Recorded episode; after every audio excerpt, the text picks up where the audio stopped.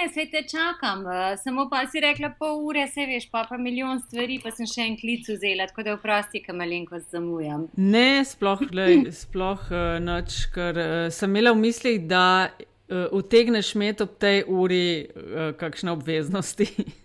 ja, ponedeljek je, veš, in ponedeljek se veš, če si tako le svobodnjak, v bistvu se vse zgrne na te, ker ljudje v bistvu. Jaz mislim, da v nedeljo zvečer razmišljajo, kaj treba narediti, v ponedeljek pa ali pa v nedeljo pa že napišajo. Pa tako, no? Ampak. Um... Hej, Katarina, pogovarjava se prek Skypa. Je Skype eh, pogosta, uh, pogosta oblika komuniciranja z tvojimi poslovnimi partnerji, ker si predstavljam, da so tudi na različnih koncih sveta. Je, pa da ne bomo uh, privilegirali katerega koli ponudnika, ne samo Skype, tudi WhatsApp v zadnjem. Ja, ja, ok. Ne, Skype sem veš, zakaj omenila, zato ker res veliko podcastov v zadnjem času za metinčaj, ki ga delava skupaj s kolegom, narediva prek Skypa, ker se nam nekako uh, v redu izide. Ampak ja, kateri, katera koli od teh oblik, no, je pogosto. Ja. Uh, ja, seveda, da je, ker se pač uh, pazi na stroške v vseh pogledih in tako da tudi v poslovnem smislu, če podjetje nima svojega telekomunikacijskega sistema, potem je to običajno Skype, ki ima, svoje, ki ima seveda to prednost, da je brezplačen, ima pa seveda tudi kar nekaj pomankljivosti, no, ampak v tem gospodarskem okolju se te pomankljivosti spregleda in se dela s Skypom. Ja, veš, to mi je padlo v uh, spomin, ko si omenila stroške. Medve obe dve sva, nekako se mi zdi v istem obdobju.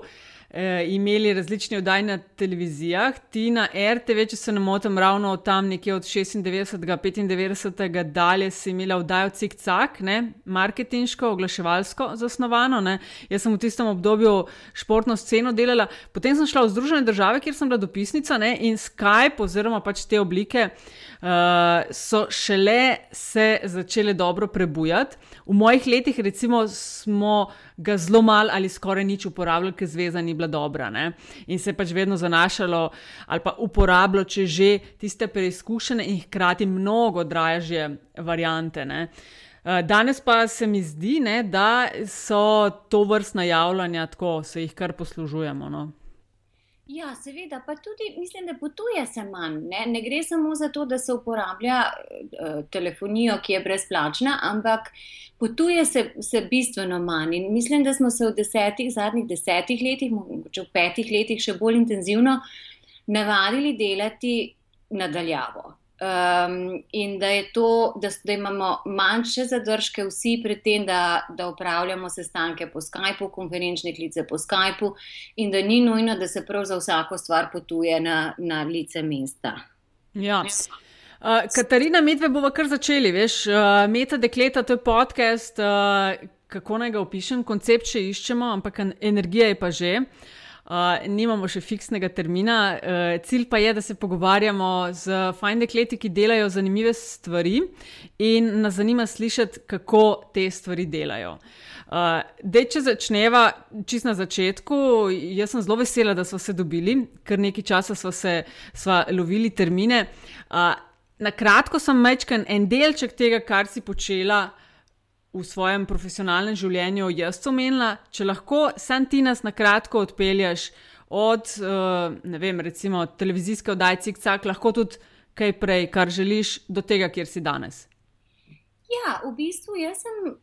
Skoraj 20 let delala v oglaševanju, um, takoj po fakulteti ali pa še med fakulteto v oglaševalski agenciji, potem oddajo o oglaševanju, eh, sedem let na nacionalni televiziji in potem eh, globalno podjetje, ki je izviralo iz Slovenije, ki je bilo tudi na področju oglaševanja OpenEd, ki je prodajalo storitve in izdelke svobodnih. Eh, profesionalcev v kreativnih poklicih, kot se temu reče, jaz upam, da se reče tako po slovensko, um, v oglaševanju, to se pravi ustvarjalci televizijskih oglasov, ustvarjalci plakatov, ustvarjalci digitalnega oglaševanja, bi bilo to danes, ki so lahko svoje storitve in svoje delo po, uh, prodajali neposredno oglaševalcem, torej podjetjem. In to je bilo se je začelo leta 2003 in takrat se je smatralo to za zelo napreden koncept. Avtor koncepta je bil Vital Verlič, slovenske agencije Futura. uh, in je so ustvarjal, je ustvarjal ta, to, to platformo OpenEd, ki je potem v svojih najboljših časih uh, delovala na 125 trgih, odkuder je črpala ideje, ki jih je prodajala največjim svetovnim oglaševalcem. 125 trgih, wow.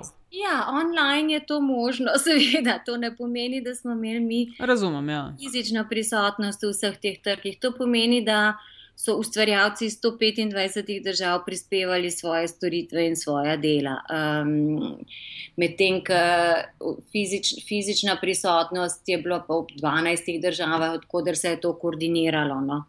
Um, ja, tako da 20 let v oglaševanju, potem um, pa jaz uh, nisem načrtno odšla iz oglaševanja, ampak nekako uh, po naključju, namreč takoj, ko, ko se je to podjetje zaprlo. Sem jaz iskala novo delo, ker sem s tem izgubila vse, tudi svoje prihranke, in sem nekako bila brez vsega, in sem morala tako iti v, v, v novo službo, tako rekoč. Uh -huh. um, ki sem jo upravljala dobre tri mesece, na to pa sem, so se mi razvile resne težave z očmi in nisem več mogla. To je bilo eno obdobje, ko jaz nisem mogla delati na računalniku, brati, pisati in tako naprej, kar je ključno za moje delo, in sem lahko nudila le verbalno svetovanje.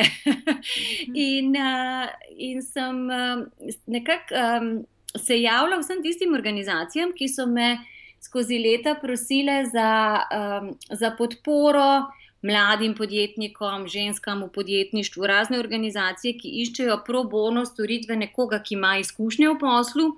Da podpre nekoga, ki šele začenja. In jaz, ker nisem, ker nisem bila več sposobna upravljati svojega plačanega dela, sem za nekaj časa potem ponujala, mislim, sodelovala s temi organizacijami in delala pro bono. In ugotovila, da v bistvu mi ta način dela svetovalni odgovarja, in na to uh, začela delati to tudi profesionalno, skratka za plačilo. No? Tako, tako da to je bila nekako evolucija.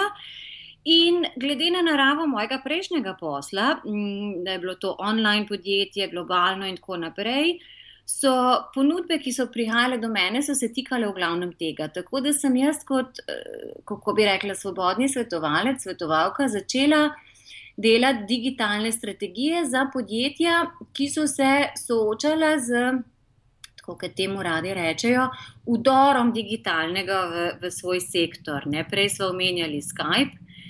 Oziroma, če mi dve smo zdaj na Skypu in ta Skype. In helikopter nad nami. Ja, ga slišiš? Ja. jaz ga sploh ne slišim več, kaj ti stalno so helikopteri. Nisi v Franciji, ne si v Londonu, to še povejva. v Londonu, um, ja.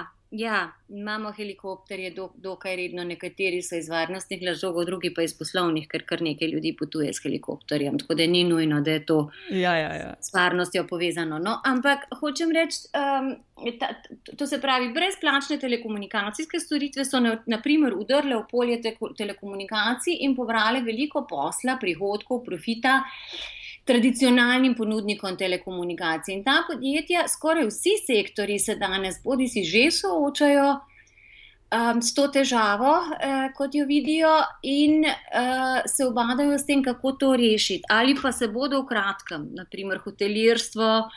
Se spopada z Airbnb na nek način, telekomunikacija z WhatsAppom in Skypom. In eh, moje delo se tika v veliki meri tega, da ta podjetja dediščina podjetij, kot se jim reče, najdejo način, eh, da tekmujejo, da sodelujejo v, v, eh, v tej novi digitalni ekonomiji. Eh, kar pomeni strategija, kar pomeni podpora vodenju. Ja, no, to je to, hm. kar delam. Slišala sem na zadnje, da, treti, da v Britaniji tretjina staršev ne razume, kaj delajo njihovi otroci, oziroma ne ve in tega ne zna imenovati. In jaz mislim, da jaz tudi sodim v poklic, ki ga nihče iz prejšnje generacije ne bi. Ne. Ja. Na imenovati ali pa razumeti. No. Ja, veš, kako koli obrnemo tole, ne, uh, medve smo obe dve, tako tisti izraz je priljubljen, pa ga večkrat ponovim. Uh, digital immigrants, versus digital natives. Veš, ja. mi, smo, mi smo ti, ki smo recimo, da verjeten, kaj zvem, nad 30, 35 smo se mogli. Tega smo se priučili, ne? by doing it, ne? nismo zrasli v to, nismo, ko, ko smo znali v roki držati, imeli tablice že gorne. Ja, mislim, da mi smo v tem zrasli, hkrati pa so res velike kulturne razlike, že med nami, pa eno generacijo za nami, ki pa so digital natives, ne, če temu tako rečemo. Ja, ja, ja. Na millennials, ki, ki naprimer rečejo. Sem govoril ali pa govorila z nekom, in potem jih je treba vprašati, ali je to bilo z glasom. Hm. A si z glasom govorila z nekom, ali je bilo to po instant messengerju, si govorila z nekom. Ne? Mislim, cela terminologija in cela celo razumevanje komunikacije, kaj je osebna in kaj je manj osebna komunikacija, se je premaknilo za te generacije za nami. Oni mm -hmm. res, mislim, tukaj telefona praktično ne uporabljamo več. A res? Mislim, tudi tu. Misliš, govoriš zdaj o landline telefonu? Nasploh se človeka ne pokliče kar tako. Spontanih klicev praktično ni več. Med zelo bližnjimi prijatelji, Ampak sicer pa, da bi nekdo kar tako dvignil telefon in poklical poslovno, se ne zgodi več. Se telefon najavi, ne? se dogovorimo, kdaj bomo imeli konferenčni klic, ampak sicer se pa komunicira pisno in ravno pred um, oh, nekaj tedni, ni važno. Sem uh, bila priča enemu pogovoru, ko je profesorica na New Yorkski univerzi omenjala, da njeni študenti skoraj več ne prihajajo na njene govorilne ure, čeprav prej so in je bila ena od profesoric, ki je, ki je imela pogoste govorilne ure in so študenti radi prišli. Um, namreč in, in, in jih je spraševala, zakaj, in so odgovorili, da zato, ker rajši, raje napišejo mail. -hmm. In da jim ona odgovori po mailu, ker bojo oni napisali popolni mail, ki, o katerem bodo razmišljali nekaj dni, in bo to strukturiran mail brez napake, in ona bo odgovorila strukturiranim mailom brez napake. Medtem, ker verbalna komunikacija je pa spontana. Pa lahko pride do napake, lahko pride do redundance, kot jo imam jaz zdaj, naprimer. Um, in, in enostavno ni več zaželeno. In, um, Ja, navadili smo se komunicirati strukturirano, strnjeno, poslovno, s čim manj maili. No, je pa res, ne? mislim, da že omenjaš maile. Ne? Da je včasih kar boleče, ko pogledaš mailbox, ne? koliko mailov imaš za odgovoriti. Mogoče je to eden od, od razlogov. Veš, ko vidiš tiste, okay, ne, ne da imam jaz zdaj to, ne? ampak poslušam od kakšnih ljudi, veš uh, ki dajo ali na Twitter ali na Facebook. O, danes smo pa samo še 10 mailov za odgovor. Ne? Mislim, ne vem, prej jih je pa 100, 200, par 100, kaj pa vem. Ne? Že, že dal čez. Ampak, a ja, da se je tako reducirala ta uporaba že. Kaj pa vem, le se mogoče v Sloveniji tudi. In mislim, da smo tudi, e, to, to, to, to se pravi, prva faza je bila, da se ne kliče več, ker bodimo iskreni, hitreje se odgovori na mail. Ne, ker, ker, ker, se, ker se napiše, in, in ni teh vljud, začetnih vljudnosti, končnih vljudnosti, zdaj kako prijetno je to, za koga pustimo ob strani. Ampak poslovna komunikacija je bolj učinkovita po mailu, je pa seveda vedno manj osebna. Uh -huh. uh, Katarina, ti si potem iz, iz Slovenije, Slovenijo si zamenjala za, za New York City uh, in zdaj za London. Je kakšen favor, še sem še kaj spustila, ja, povej. Um, ja, um, mislim, mi zdi zanimivo, ko mi rečeš Katarina, ker sem postala Katarina v Britaniji samo zato, zaradi mladine duplerice. Cel življenje Katja, ampak potem sem se preselila sem, pa so me ljudje googlali, pa so pod Katjaško brne našli najprej mladine duplerico, ki ni bila v Britaniji v takem kontekstu kot v Sloveniji in sem se morala preimenovati v Katarina, če bi kdo hotel poslovati z mano. No, ampak? Me, ja.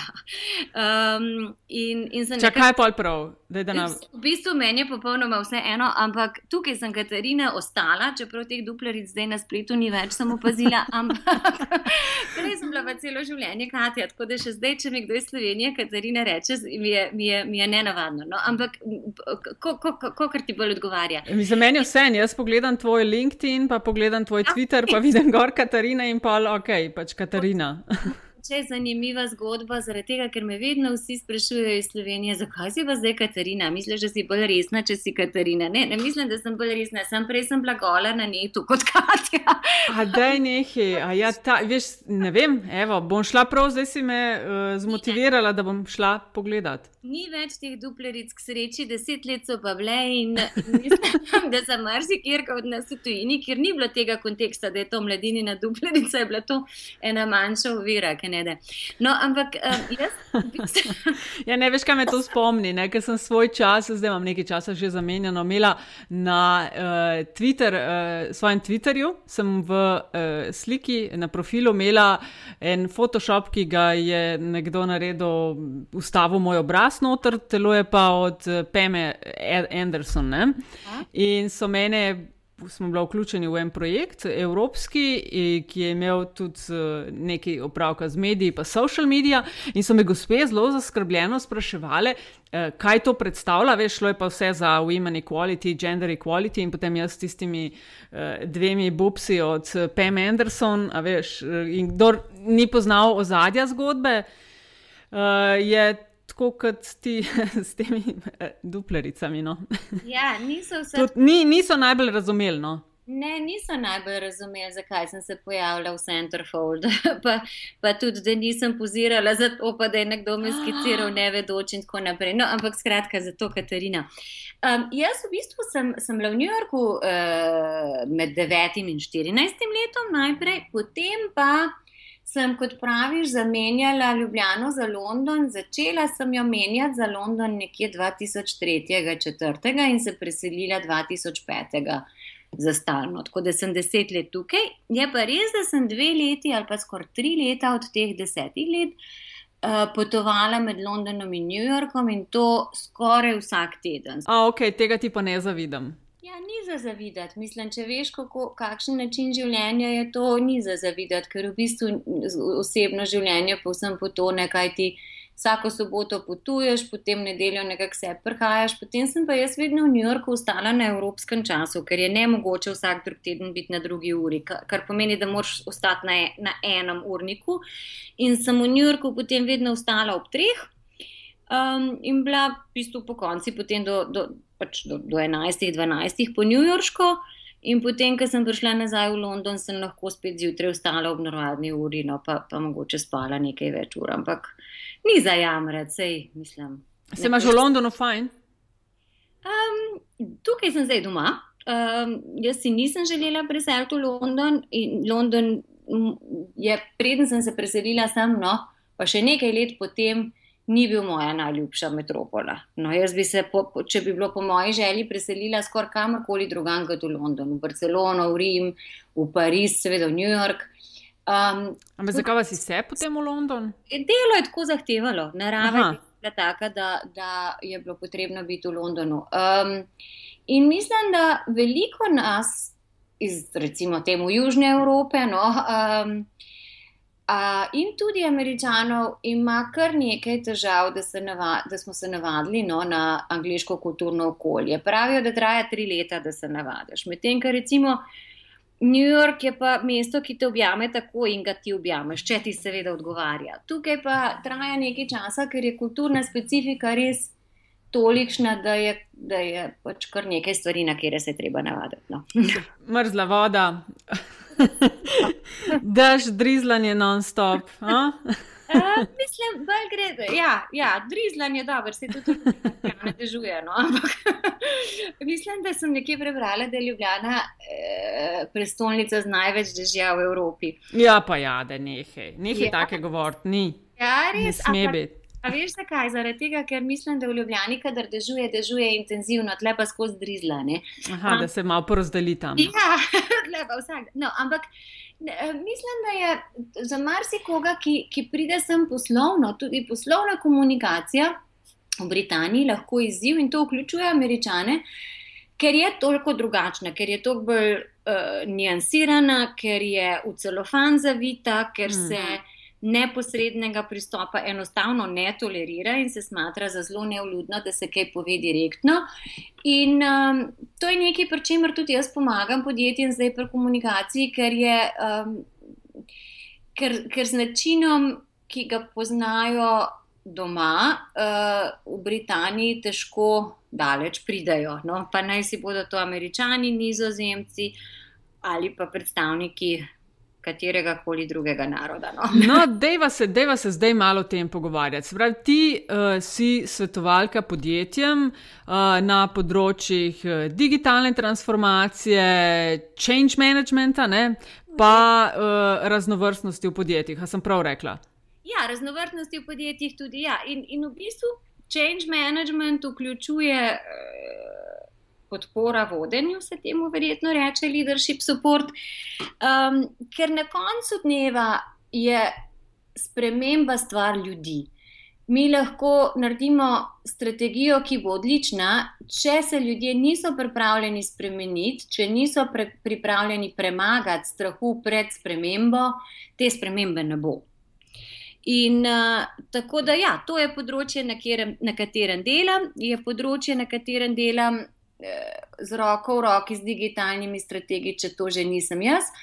Um, in, veliko pa delam tudi s startupi na podlagi svoje nekdanje izkušnje, postavljati mlado, malo podjetje, uh, izhajajoč iz mlade, male države. ja. No, tist, bi se peva nazaj k temu, kar si prej omenila, ta komunikacija. Ker jaz sem jo recimo. Uh, tudi en del tega okusla, ko sem živela v Združenih državah. Ne? In razliko recimo na tiskovnih konferencah v Sloveniji ali pa na raznih debatah o mizih v ZDA. Ne? Pri nas smo, mogoče se temu reče ta neposrednost, meni se je v enem trenutku zdelo, da smo um, en mal haudrasti v komuniciranju. Uh, potem sem prišla pa gor in videla, da se da lepo spoštljivo vprašati, a hkrati neskončno bolj ostro in konkretno vprašanje. Ne? A je to tisto, kar ti, uh, kar, kar pri tej komunikaciji, ko jim skušaš razložiti, kaj dela v ZDA in kaj dela vem, v Veliki Britaniji na nizozemskem, ali lahko daš mogoče kakšen konkreten primer? Ja, jaz mislim, da gre za, za dve stvari ali pa celo za tri. No. Eno je, kako, kako se predstavi vprašanje, če smo že pri vprašanjih ali pa trditev, ali se to predstavi na pozitiven ali na negativen način in kako se ga nekako zapakira. Drugo je pa to, ali je komunikacija osebna. A se tiče človeka osebno, leti na, na njo osebno, ali se tiče na dejanja, ali pa celo še bolj oddaljen, še bolj, če se tiče dejanja, ali pa celo še bolj oddaljenih dejstev. No? In uh, če se omejiva na prvo, kako se stvari predstavijo, mislim, da posebej v poslu, zdaj jaz nisem več novinar in ne hodim več na novinarske konference, vem, da znajo tukaj tudi novinari biti izjemno ostri. V glavnem pa niso osebni, ne leti kritika na politika osebno, običajno, ampak bolj na njena in njegova dejanja. Um, mislim pa, da komunikacija nasplošno z obeh strani ni ne napadalna, ne defenzivna, se to gre z roko v roki. No. Jaz, na primer, se ne gre samo za slovence, gre za način komunikacije. Nis, ne vem, če, če bi lahko rekli hodrasto ali pa ne hodrasto. Nizozemci so tudi zelo neposredni in tudi zelo rečejo, zlahka, nimaš prav, to ni tako. Um, Medtem, kar britanska, pa tudi ameriška komunikacija bo pa v celofan zavila, bo pa rekla, da ja, bi se lahko strinjala, ampak bi pa rada izpostavljala tudi ta dejstva, ki bodo povsem v nasprotju s prejšnjim. No, no, no, to, bravo. To si super popeljala. Bodo izražala popolno nestrinjanje ampak ne bodo vnaprej rekla, ne, ne strinjam se, nimaš prav. In mislim, da tukaj so velike razlike, ali pa tudi, naprimer, v oceni projekta ali pa ponudbe, ki jo nekdo nekam prenese. No, najbolj tipičen primer je, da tukaj v Britaniji, če, če nekomu nekaj ni všeč, reče, da je zanimivo. Ne? Oh, it's very interesting. In, um, kar to meni za način. Kar to meni, ne prid nikoli nazaj s tem. in ne trati mojega časa in prosim, čim prej odidi. Ne? In skoraj vsa veleposlaništva se ukvarjajo s tem, ko gospodarstveniki njihovi pridejo pa rečejo, joj so nam rekli, da je zelo zanimivo, pa se na veleposlaništvih posebej samo držijo za glavo, ker vejo, kaj to pomeni. Ne, um, ali pa rečejo, Ja, morda bi veljalo pogledati tudi z drugega zornega kota, kar pomeni, da tvoj zorni kot je povsem napačen, nimaš prav opustiti to razmišljanje v celoti. Medtem, ko nizozemc, recimo, ki je navaden bolj direktne komunikacije, ali pa slovenec, tudi bo pa rekel: Aha, velja pogledati mogoče še z enega zornega kota. Um, in tukaj pride do teh, da, da, da, tu so res razlike in tudi. Vljudnost v komunikaciji je tukaj potencirana do konca. Od, od pripoznavanja mailov, da se človek vedno zahvali za mail, ko ga prejme, tudi če takrat še ne odgovori. Ne, in reče: Hvala lepa za mail. uh, to, je, to je tudi ena od stvari, ki uh, se mi zdi, da je zelo uh, lepa navada, da se zahvališ za mail ali pa da poveš, da si ga dobil. Uh, sploh, če ti nekdo kakšno recimo uslugo dela ali pa uh, karkoli, ker pa nas sem navajena, da doskrat sploh načni, ne? Ne, ne hvala, ne mu, ne bu. Mislim, jaz, bo, zdaj, zdaj bo izvenelo, da dekritiziram, no, ampak zdaj, ker sem deset let tukaj, pa se kdaj kdo obrne name za kakšen nasvet ali pa kontakt, ali pa ljudje, ki jih poznam, ali pa taki, ki, ki še nikoli nisem slišala za, njim, so, za njih, pa so nekje prišli do mojega maila, pa vprašajo, kako bi prodrli na angliški trg. No, je običajno vprašanje. Um, in jaz sem si še nekaj časa vzela čas in sem odgovorila strukturirano. In, uh, Kar sem mislila, s čimer sem mislila, da so, da so, da so argumenti, da ni ja ali pa ne, ampak. Uh, in sem redko nazaj dobila odgovor. No? No, Potem sem pa napisala, ker sem bila že tako navajena te komunikacije tukaj, a morda niste prijeli mojega maila. Ja. Ja, ja, smo, ampak se ne strinjamo. Aha, okay. Ste me vprašali za nasvet, ki sem ga dala z veseljem, brezplačno sem si vzela čas, niste rekli hvala in se ne strinjate. V redu, tudi prav. Ni treba se strinjati, ampak hočem reči, ampak se, se pravi, to ni kvalitativna sodba, to je pač kako smo navajeni komunicirati. Ne? No, če... lej, ne, ne, ne, ne, ne. Lepo je reči, hvala, če si nekaj dobil, če se je nekdo potrudil, neč iskati upravičil. Mislim, ne, to je, a ni tako ja. prav, a ni ta, ta način nekaj najbolj normalnega. Jaz vedno mislim kot svetovalec, da je treba razumeti drugo stran. Oh. pa zakaj se to zgodi, pa kako je. Ampak, ja, se imaš prav, no, valjda. Ja, a, a, je, so razlike, nasplošno so razlike. Recimo, mislim, da se tukaj pogosto zapakira v vzhodno Evropo, kar uh, verjetno ni treba reči, da večini slovencev ni všeč. No, ampak kar pa, je, kar pa jaz opazam, je, da so da je kultura komuniciranja nekdanje vzhodne Evrope, ne vključujoči nas, ali pa morda tudi vključujoči nas, no, da, da, da, da nastopimo defenzivno. No, da ne glede na to, kako se vprašanje zapakira, kako vljuden lahko je nekdo, ki izrazi neko še tako blago, kar bi lahko bila kritika, je odgovor: ne, nisem kriva, ne, ni, ni, ne, nimaš prav, ne. In recimo, ne vem, človek, ki meni dostavi pošiljke za Amazon, sem, sem ga vprašala, zakaj ne pozvoni na moj zvonec z, in zakaj me kliče po telefonu. In pravi, nimam številke stanovanja. In sem rekla, a res, to je pa zelo čudno. In je rekel, to ste, to ste pa vi krivi. In sem rekla, odkot pa vi ste? A ste iz Romunije, ali ste iz Polske, ali odkot ste? Ker sem takoj vedela, da ta defenziva pride iz nekdanje vzhodne evropske kulture, kjer se je bilo treba skozi neki brand, nisem jaz, nisem kriv, nisem. Ne? In to ostane. In ta človek je star 20-25 let. Ki verjetno ni odraščal v, v, v socializmu, ampak mu je to ostalo. Ni hm. prvo, kar reče, je kriva si ti, draga stranka. uh, kar lahko je ali pa ni res, ampak nekdo, ki je pa odraščal v drugem kulturnem okolju, pa ve, da stranke ni za nič, da krivi, če tudi je lahko še toliko kriva. In, in tle mislim, da pride do teh trenj, ker jaz poznam ta način komunikacije.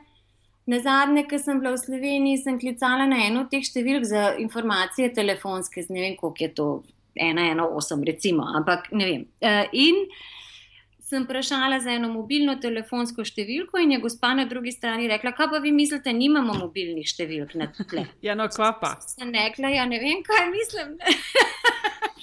Najbrž, da sem mislila, da jih imate, se upravičujem. Ja, nikoli več ne kličete te številke. Sem rekla, prav gotovo ne bom. Ne? Ampak ne, ta, ta odnos do stranke, ne, odnos do tega, da te nekdo napada, čeprav si v službi za to. Je specifičen, no? to bom rekla. No, lepo to reče, si se že veš, je specifičen, ja. je zanimiv. Je drugačen, kot ga poznamo. Tako je. Zdaj, Moramo sprejemati, a ne? Domci in gastarvajter nisem več čist navajena. No. ok, se pravi, ti podjetja učiš, recimo, ki skušajo uh, delovati na britanskem trgu, je komunikacija tista, ki je mal drugačna. Nekaj malga si omenila v zvezi z digitalno transformacijo. Um, a to imaš ti občutek, da se ta. Velika podjetja, ta gigantska, ki se morajo naučiti uh, drugačne, uh, ki ponovno delujejo v drugačnih razmerah. A, čutiš, da je odprtost za uh, sprejemanje sprememb, za navaditi se drugačnega delovanja, ali je zelo uh, enega upora? Ja, mislim.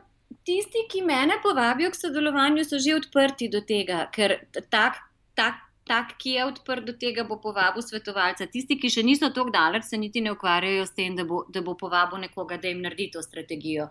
In ja, digitalna strategija je večji del mojega dela. Te kulturne razlike so lahko kot zanimivost, povem, ampak to je manjši del dela ali pa postranski del dela. Medtem, Digitalna strategija pa opažam, da v zadnjih desetih, v zadnjih petih letih, bom rekla, se je uh, odnos do tega, odnos uh, obstoječih podjetij, tradicionalnih podjetij, zelo spremenil, zaradi tega, ker so vedno bolj ogroženi.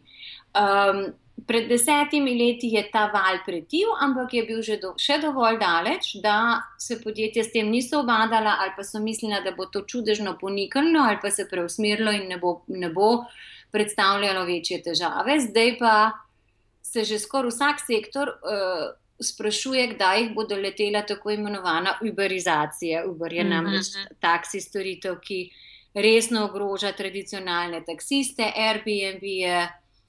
Uh, storitev prenočitev, ki resno ogroža hotelirje, in že skoraj na vsakem področju uh, se je našel nov tekmec, uh, ki narekuje nova pravila. Tako da ve, večji del podjetij danes se zaveda, da je nekaj treba narediti. Zdaj, kaj in kako temeljito, tukaj se pa mnenja razlikujejo. In dejstvo je, da za večino podjetij to pomeni korenita transformacija. Recimo za telekome to pomeni, da praktično prekvalificirajo večji del inženirjev, uh, ki jih ne rabijo več. Ne? In uh, tukaj gre in za strategijo, in za prekvalifikacijo inženirjev v poslovneže, efektivno nekoga, ki bo zdaj z mlajšimi podjetji, ki vstopajo na trg, sodeloval na način, ki bo dobičkonosen.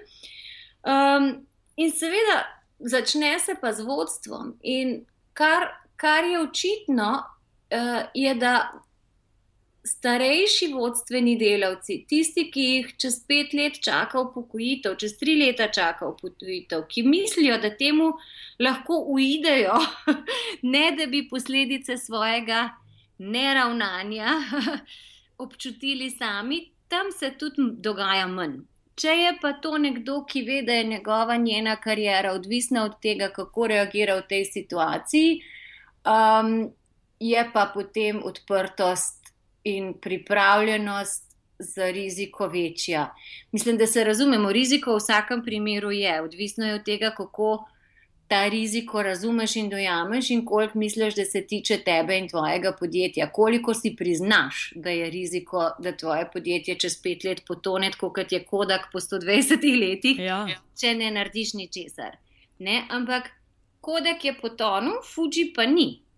Ne, Westinghouse je praktično potonil, General Electric pa ni. Kar pomeni, da v istem sektorju podjetja, ki reagirajo na različne načine, na te situacije doživijo eh, zelo različne poti. No. Ja, ja.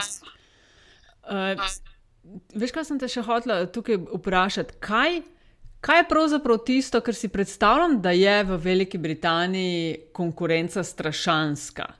Uh mhm. -huh. Kaj je tisto, kar jih pripelje do tebe?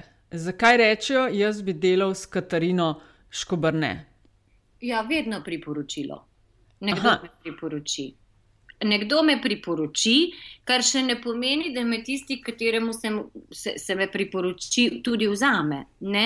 Jaz mislim, da ta konkurenca je res bistvena razlika na vseh področjih, pa ne si bo to v svobodnem delu oziroma v podjetništvu ali pa za zaposlitev. Ne? In percepcija je iz Slovenije še do nedavnega bila, ne vem, če je še vedno, no, ampak zrihtaj mi službo, a poznaš koga, ki bi mi zrihtal službo.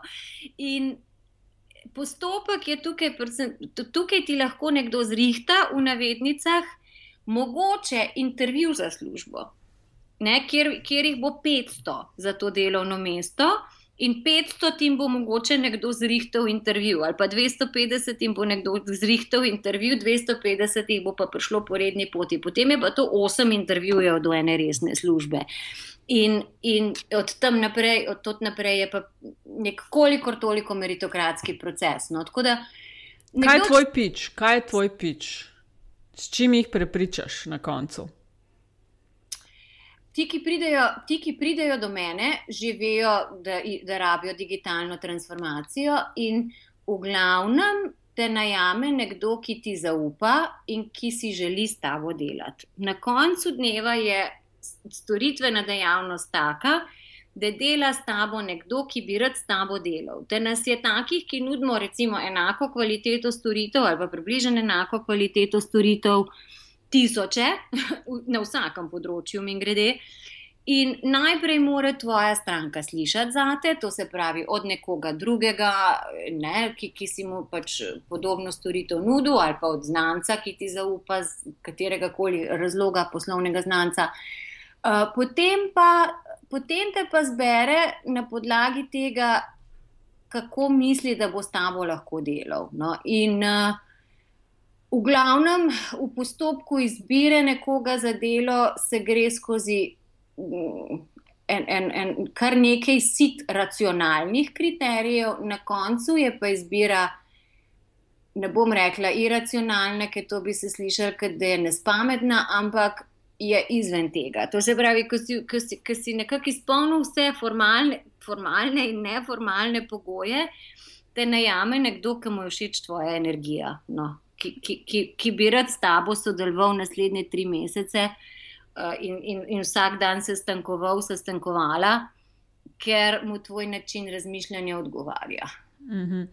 Katarina, ti si pravzaprav uh, delala tako orang stvari v Sloveniji, že potem, uh, kot praviš, ta commuting med New Yorkom in Londonom, preizkušala se na enem verjetno najzahtevnejših trgov na svetu in pa prišla do trenutka, ko si tako rekoč mogla začeti znova in si si med drugim uh, pridobila zelo prestižno titulo, mislim, da je bil to uh, časopis Telegraph, ki te je uvrstil med uh, tisoč najpomembnejših biznis oseb v Veliki Britaniji. Ne?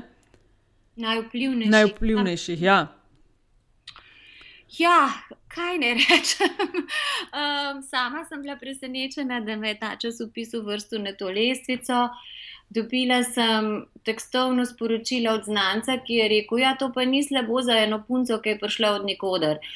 In uh, kar, je, kar je zanimivo z več vidikov. No, ampak. Te kriteriji, mislim, kako zbirajo te lestvice, sama ne vem, kakšni, kakšni so kriteriji in zakaj točno jaz. Verjetno jaz bi bilo na tem mestu, lahko se pravim, še tisoč drugih.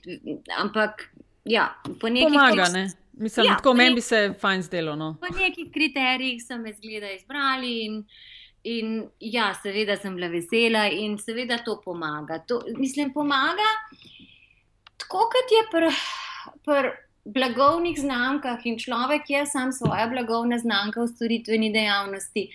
Pomaga zaupanje in vsako tako priznanje doda še eno plast zaupanja. Ne? In za nas, ki prihajamo iz odnikoder, kot je ta moj znanc neprijazno rekel, in nismo hodili na, nismo obiskovali znanih izobraževalnih ustanov, priznan, priznanih izobraževalnih ustanov ali pa na ta način priznanih, kot so Harvard, MIT, Oxford, Cambridge.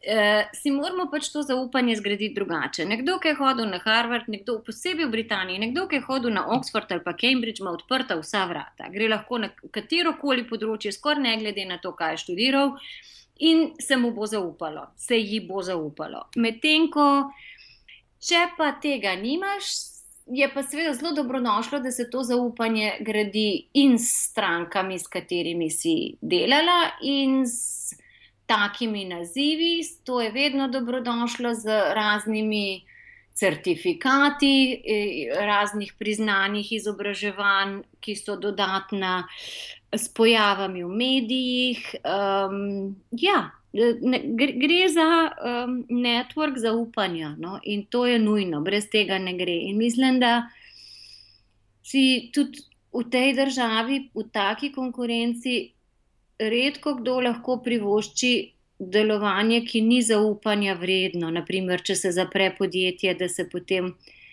ostane v dolgovih, pa bi bilo možno, da se ne, ne? naprimer, uh mhm. -huh. take stvari. No. To, mislim, da, da, da to je vse. Zelo pomembno. No. Ja. Ja, no, lej, zelo, se mi zdi, da zelo veš, kaj delaš. Nekaj si razpeva še malo k temu change managementu oziroma temu uh, leadership uh, svetovanju. Uh, razložila si malo, kaj delaš, glede, kaj, kaj vključuje ta digitalna transformacija. Ne?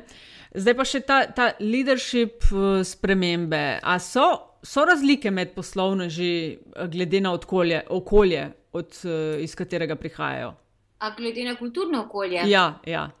Ja, seveda, da so. Mislim, ne, uh, Kaj pomeni leadership consultant danes? Kakšen je leader danes, eh, za razliko od tega, kar se je videlo kot leader pred 20-30 leti?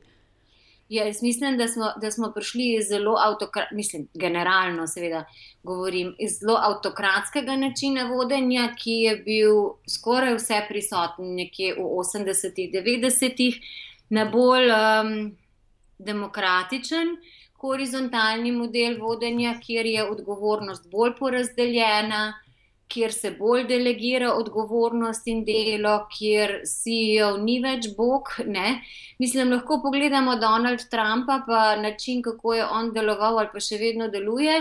Pa mlajše digitalne liderje, ki, ki bistveno bolj porazdelijo svojo moč, no? ki, se, ki se ne uklepajo svoje moči in svoje nezmotljivosti na način, kot so se vodje mogoče v 80-ih ali pa 90-ih in kot se je od njih tudi pričakovalo. Ne? Danes se pa pričakuje, da je voditelj bolj odprt za druga mnenja in da je tako rekoč nekako kot enosito za mnenja. Ne da voditelj vse ve, ampak da zna okoli sebe zbrati prave ljudi in jih na prav način motivirati, da na prav način sodelujejo. Ne? In um, tako da tukaj, tukaj mislim, da je ključna razlika med, med nekoč in danes. Ampak so pa seveda kulturne razlike, že če pogledamo raziskavo o tem, kako ljudje vidijo odgovor na vprašanje, ali bi moral voditelj CEO vedeti vse. Oziroma, ja. in, in tukaj, naprimer, v Indiji je odgovor 98 odstotkov zaposlenih misli, da CEO mora vedeti vse. Na drugem koncu spektra so pa skandinavske države, kjer to isto misli, recimo 10-20 odstotkov ljudi ali pa še manj. Ne? In pričakovanje od liderja, da je vse mogoče, vse močen, vse, vse vedoč, uh, se razlikujejo od kulturnega okolja do kulturnega okolja, od bolj hierarhičnih do manj hierarhičnih kulturnih okolj. Tako da te razlike so, potem so pa razlike, seveda, tudi po stroki, ker jaz predvsej delam z inženirji. Eh, ki vidijo tudi vodenje kot racionalno početje. In tukaj je um, prva, bom rekla, ovira, ker je ovira, ki jo je treba premustiti, je razumevanje, da je človek racionalno bitje, kar ni. Je, mo, mo, mislim, moja zgodovina je oglaševanje, tukaj se to najbolj vidi, ampak vsaka raziskava pokaže, da je odločanje pogosteje neracionalno kot racionalno. Že če gledamo področja, kjer je možno racionalno odločanje, kjer so neki definirani parametri, ni ne, kjer ni ne rizika, ne negotovosti, pa to sta dva različna pojma, kjer lahko kvantificiramo riziko, je polje dve. Recimo, imamo riziko, ki, oziroma področje, kjer lahko vse kvantificiramo in se, in se povsem racionalno odločimo. To je ena. Dve je področje, kjer, kjer lahko kvantificiramo, ampak obstaja riziko.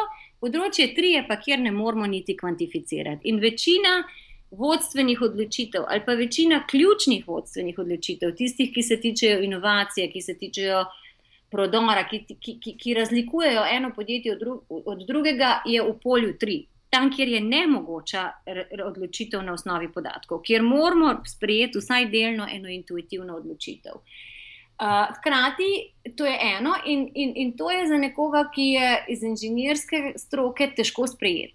Uh, drugo, kar pa je, je pa, da so ljudje tudi neracionalno motivirani in da jih ne motivira vedno samo denar. Posebej mlajše generacije, tako imenovane millennials ali pa generacijo za tabo, pa mano, manj motivira plača kot način dela, svoboda dela in tako naprej. In um, in mislim, da tukaj je en razkorak med tradicionalnim vodenjem, uh, ba, ki, ki smo ga spoznali, poznali v 80-ih in 90-ih, in, in kot ga poznamo danes. In tretja stvar. Ki je tudi pomemben element, in spet govori o vodenju, ker v tej vlogi srečujemo ponovem, v narekovaji, več tudi žensk. Ne, je ta raznovrstnost, je diversity, so uh, zakoni, s katerimi in kvote, s katerimi se skuša uh, določene stvari, uh, jaz bi temu rekla, normalizirati. Uh, pa opažam, da tudi po tvojih tvitih je to ena od tem, ki je tebi zelo blizu. Ja, je tema, ki mi je zelo blizu in moram priznati, da je tema, s katero sem se soočila bolj šele, ko sem se preselila v Veliko Britanijo.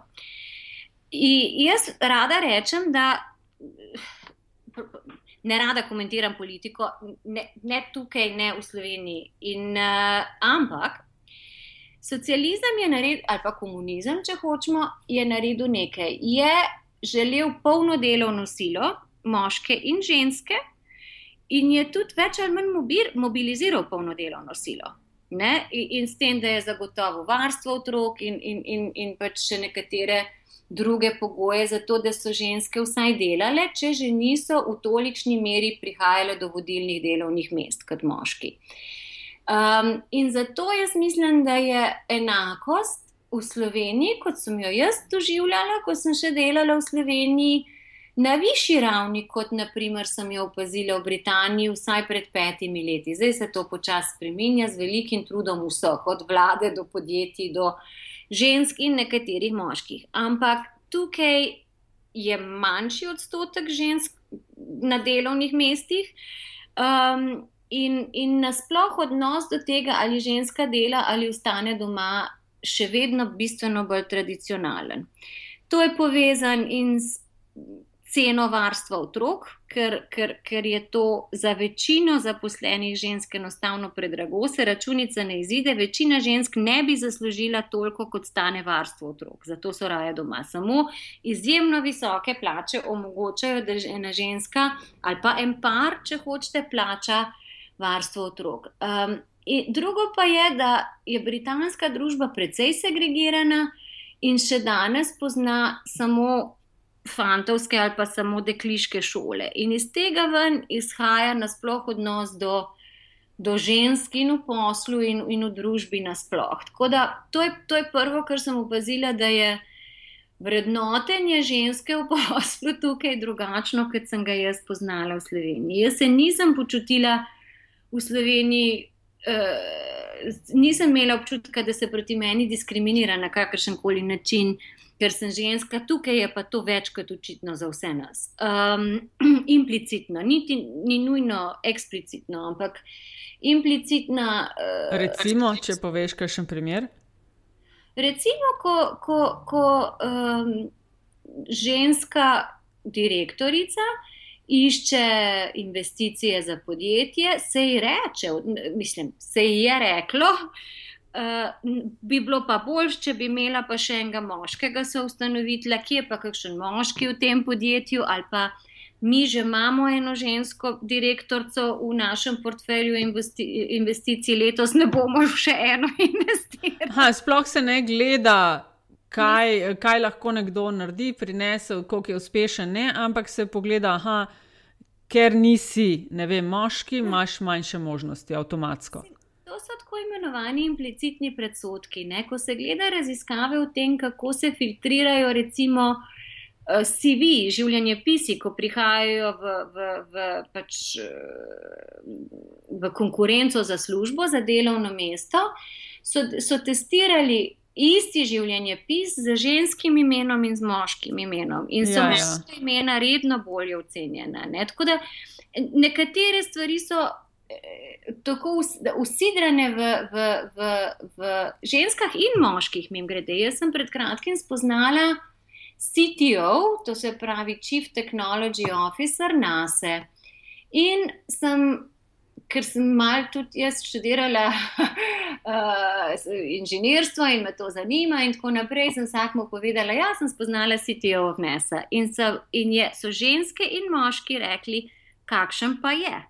In sem rekla, Debora je čudovita, taka kot bi si vse, vse to, kar bi si človek predstavljal pod CTO vnesa, razen moški. ker ste čist vsi predpostavljali, da je ona moški ne? če je mhm. chief technology officer. Tako da to se tiče tako žensk kot moških. In ne bom rekla, da je načrtno, ampak dokler ni, tako kot se reče v, angliščini, if you don't see it, you can't be it. Če ni nekih uh, role models, če ni nekih vzorcev žensk na visokih položajih, tega ni v podzavesti in se pričakuje kot CTO vnesa, kot zdravnika in, tako, in kot direktorja moškega. Ne? In dokler se to razmerje uh, na vodilnih mestih ne bo preveslo, bo težko, ker je treba aktivno delati na tem, da se ženski da enako možnost. Ne da se jo privilegira, ampak da se ji da enako možnost. In teh enakih možnosti ni zaradi navedenih razlogov. Tako da kvote ali ne kvote, tukaj v Britaniji se veliko govori o tem, in večina tudi žensk je proti kvotam ker pravi, ja, ampak zdaj pa ne bomo se pustili pozitivno diskriminirati, mi bomo nekam prišli, če bomo za to po meritokraciji. Klasika. Zato, ker smo dovolj dobri. Ampak odgovor na to je pa, moški, ki tam sedijo, niso vsi zato, ker so dovolj dobri, ampak so v glavnem zato, ker so moški. Um, posebej v tej državi, kjer je, kjer je meritokracija mogoče manjša kot v Združenih državah, kjer ljudje pridejo grejo na isto fakulteto kot oče, pa v isto službo kot oče, za vodilna delovna mesta, kjer ni vedno nujno, da so prišli do tega po meritokratski poti. No. Podoben odgovor je na to, ko argumentirajo, da ja, mi bomo pa, oziroma mi bomo pa prišli, če bomo kam s svojo sposobnostjo, ne zato, ker smo takšnega in takšnega spola. Podobno kot si ti zdaj omenila sem poslušala en podcast pred časom, je rekla tudi Cindy Gallup. Ona je pa uh, spet ena zelo znana gospodarstvenica. Sem pa opazila, da te je na LinkedIn-u, uh, ste mogli delati nekaj skupaj. Ne? Ja, ja, te je na LinkedIn-u zelo pohvalila. Ja, hvala lepa. ja, uh, Ona je kar, kar, uh, kar dela v tej smeri, no? kar je vocal. Ja, zelo. Ona je bila na vodilnih delovnih mestih. Um, v Singapurju, v New Yorku in v Londonu, in se zelo zauzema za to, da bi še druge ženske prišle do istih možnosti. Se pravi, nihče, ona vedno pravi. Pusti se vzeti v službo tudi če zato, ker si ženska, pa se potem dokaži, ker večina tvojih kolegov bo tako ali tako tam zato, ker so moški. Ja, ja.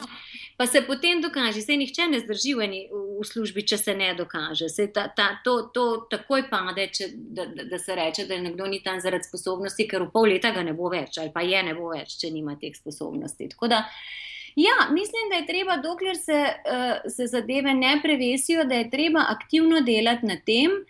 Um, in tudi, recimo, pri, spet pri intervjuvanju za delovna mesta se pozna, da so ženske bolj samokritične in to jim škodi, posebej, če je na drugi strani eh, tisti, ki jih presoja, moški, ker, ker on pa meni, da če ona vdaja v nič svojo sposobnost, oziroma jo minimalizira, oziroma se ne hvali in ne toče po prsih, da je res manj sposobna. Ker ne razume, zakaj je nekdo manj glasen o svojih sposobnostih. To je ena tipična razlika, da, da so moški bolj nagnjeni k samopromociji, spet generalno govorim, so izjeme, ampak bolj nagnjeni k samopromociji, k tem, da ustanejo in se postavijo zase kot ženske. Velik dela, Katarina Škobrne, ja. za vse, ki razmišljamo, da, uh, ki si želimo normalizacije v tem pogledu. Ne, ne posebnega tretmaja, ampak enake možnosti, tako kot ti praviš. Uh, meni je blazno zanimivo s tabo klepetati, upam, da bomo lahko še kdaj, uh, ampak počasi moramo zaključiti. Povej mi samo to, uh, je bilo leto 2015 zate dobro leto? Um, so bila že boljša leta. sem imela kar nekaj zdravstvenih težav in eh, bi si želela leto z manj zdravstvenimi težavami, 2016. no, jaz ti želim uh, vse to in tudi uh, še naprej, uh, da boš dobro orala po tem poslovnem uh, svetu in dobro delila ti na svete, ker uh, zelo, zelo, zelo veliko veš. Hvala ti za tvoj čas in uh, za vse to. Hvala za prijazne besede, velike čestitke za metino listo in metine dekleta. Spremljam, vem, koliko dela gre v nekaj takega, in upam, uh, da bo bosta nadaljevala, ker vem, da sodelujeta dva pri tem projektu. Več, več, več kot dva. Ja, ja. In uh, da, da bo vedno več metin, metinih listov in metinih deklet. Se bomo zelo trudili. Ok, Katarina, hvala.